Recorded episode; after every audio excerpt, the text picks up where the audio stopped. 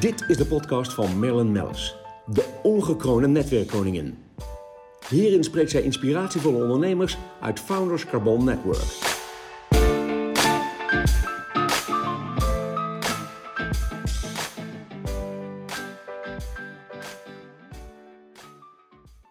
Goedemorgen, Aad. Aalborg. Goedemorgen. Heb ik hier toch Aad Aalborg aan tafel. Ehm, ik realiseer me dat jij bent, hoort echt bij de eerste in mijn gelederen van de Founders Carbon Network. Je was een van de eerste leden. Ja, En tuurlijk. we bestaan nu bijna tien jaar. Het is eh, nou, zeer gewaardeerd, mag ik wel zeggen. Ondernemers entertainen, hè? Nou, dat is bij jullie natuurlijk echt Nou, eh, zeker, zeker, zeker. toepassing. Ja, weet je, het is natuurlijk leuk. Hè? We hebben natuurlijk 500 eh, mooie ondernemers aan boord met een enorme passie. Maar als ik dan jou gadesla over de laatste jaren en ook de jaren daarvoor, dan denk ik, ja, geweldig. Ehm, eh, maar wat vind jij nou eigenlijk zo leuk aan ondernemen? Nou ja, kijk, het leukste aan ondernemen is natuurlijk niet alleen het geld. Het is ook eh, dat je dingen kunt bedenken, dat je het succes maakt, dat je dingen voor elkaar krijgt. Hè? Ik weet nog heel goed toen ik begon met mijn eerste merk Babyliss. Toen zeiden de mensen, het lukt je toch niet. Ja, En- dat werd en- een uitdaging. En dat ja. werd een uitdaging. En dat was vanuit mijn studententijd ben ik daarmee begonnen.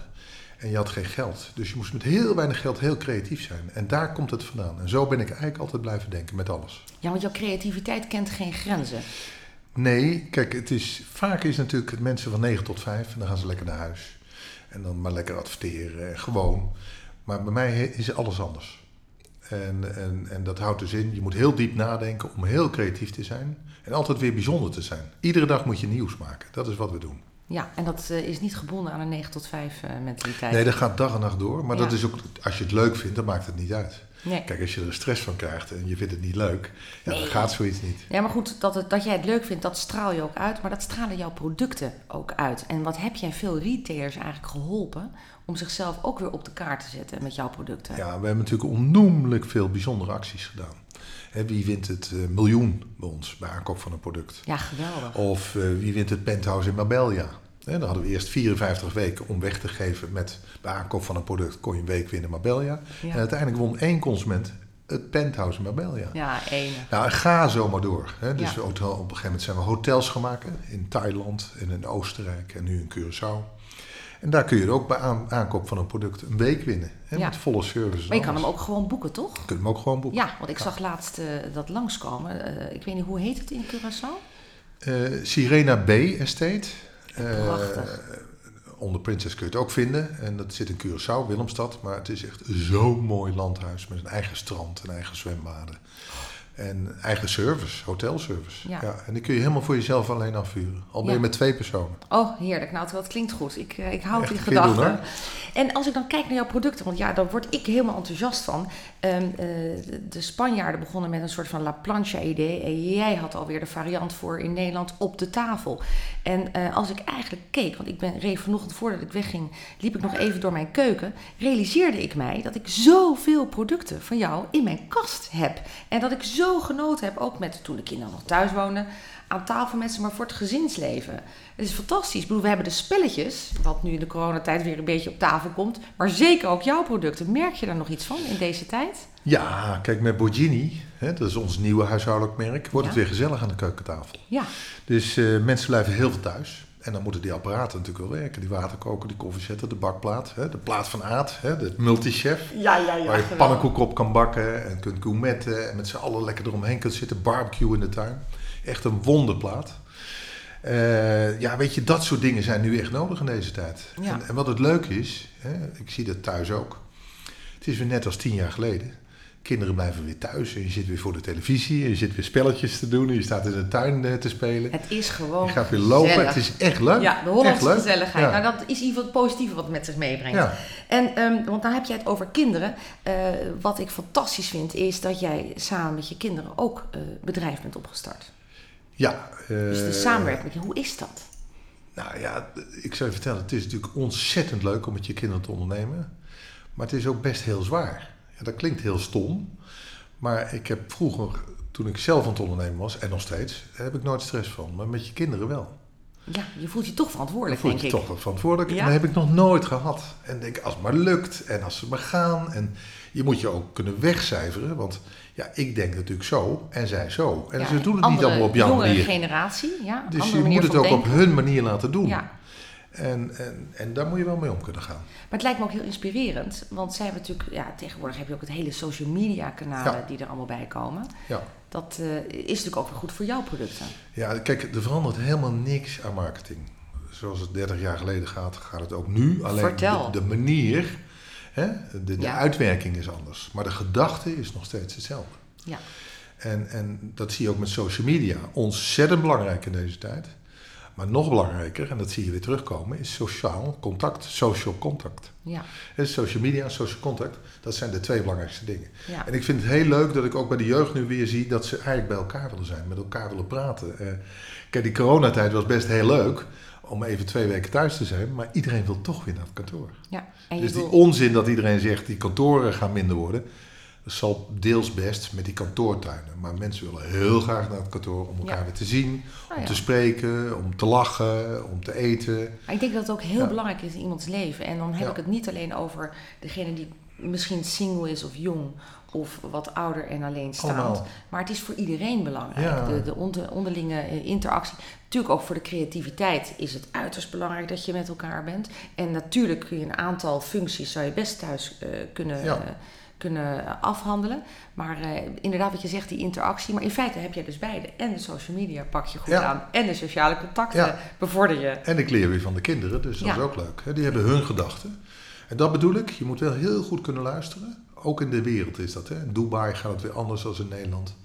En in Hongkong gaat het weer zo. Maar dat is ook leuk met jou, want dan kijk ik weer naar Ja. jouw internationale acties. Ja. Je hebt zoveel contacten ook in het buitenland in productie. Ontzettend veel. Hè. Ik heb natuurlijk veel in het Midden-Oosten gezeten en eh, nog steeds. Maar ook in eh, China en Hongkong en overal.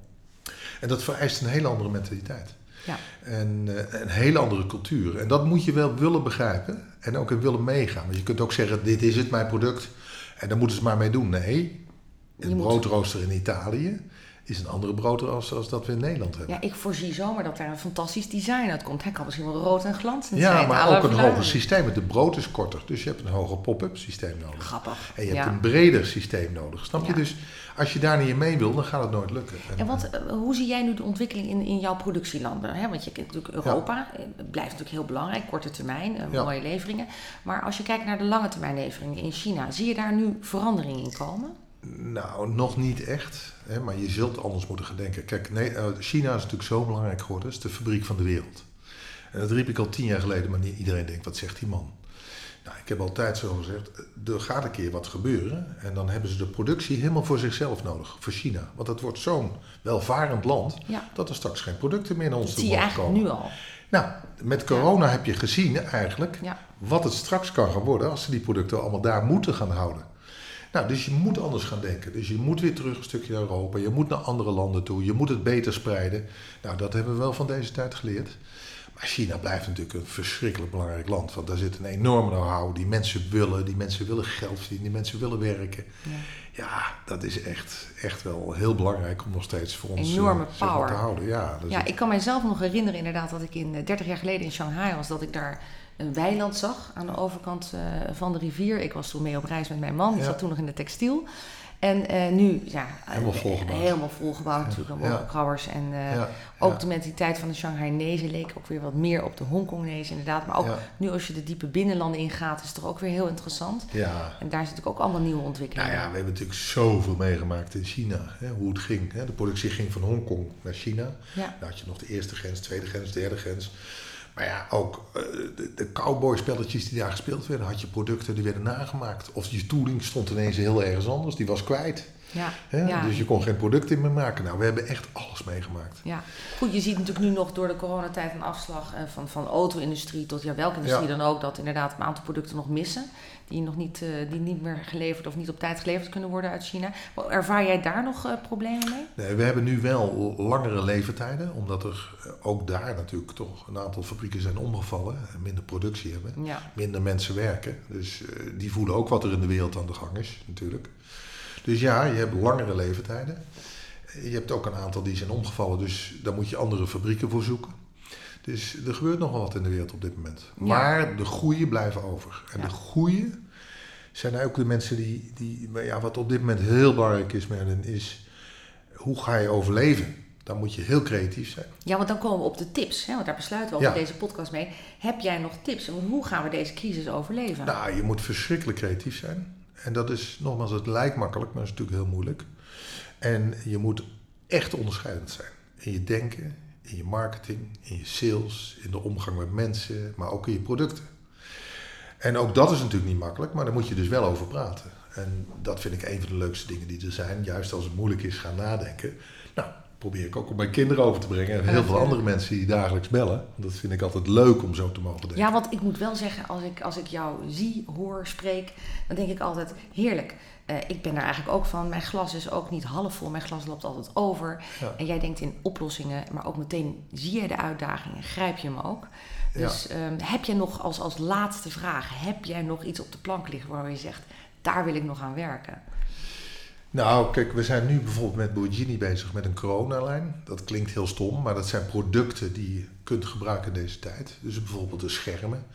Maar ander soort schermen die er nu zijn, dat zijn Ja. allemaal plexiglas, maar bij mij zijn ze, die kun je omhoog trekken. Uit zo'n soort van Uit een Ikea-rolgordijn ja. idee. Ja. En, maar ook een eh, soapdispenser. Nou, daar word je gek van. Hè? Iedereen heeft problemen, die lekken dan weer. Nou, we hebben er een gemaakt met een lekbak eronder en dat soort zaken. ja. En eentje die echt werkt. Dus net eventjes verder gedacht. Net even Ja. verder gedacht. En wat zijn nou de producten die je echt nodig hebt in deze tijd? En Nou, ook in de toekomst. en in de toekomst. ja, virussen Nou, blijven daar hebben we bestaan. over nagedacht. En dat Mooi. komt. Ja. Nou, we sluiten ermee. Heel veel dank voor je komst. Graag gedaan. Ik heb weer genoten. Ja, ik kan altijd uren met je kletsen. We raken eigenlijk nooit uitgesproken. Maar dank voor je komst. En eh, nou, wij horen altijd eh, veel van jou en van je producten. Dus Ja. eh, tot snel. Succes. Dank.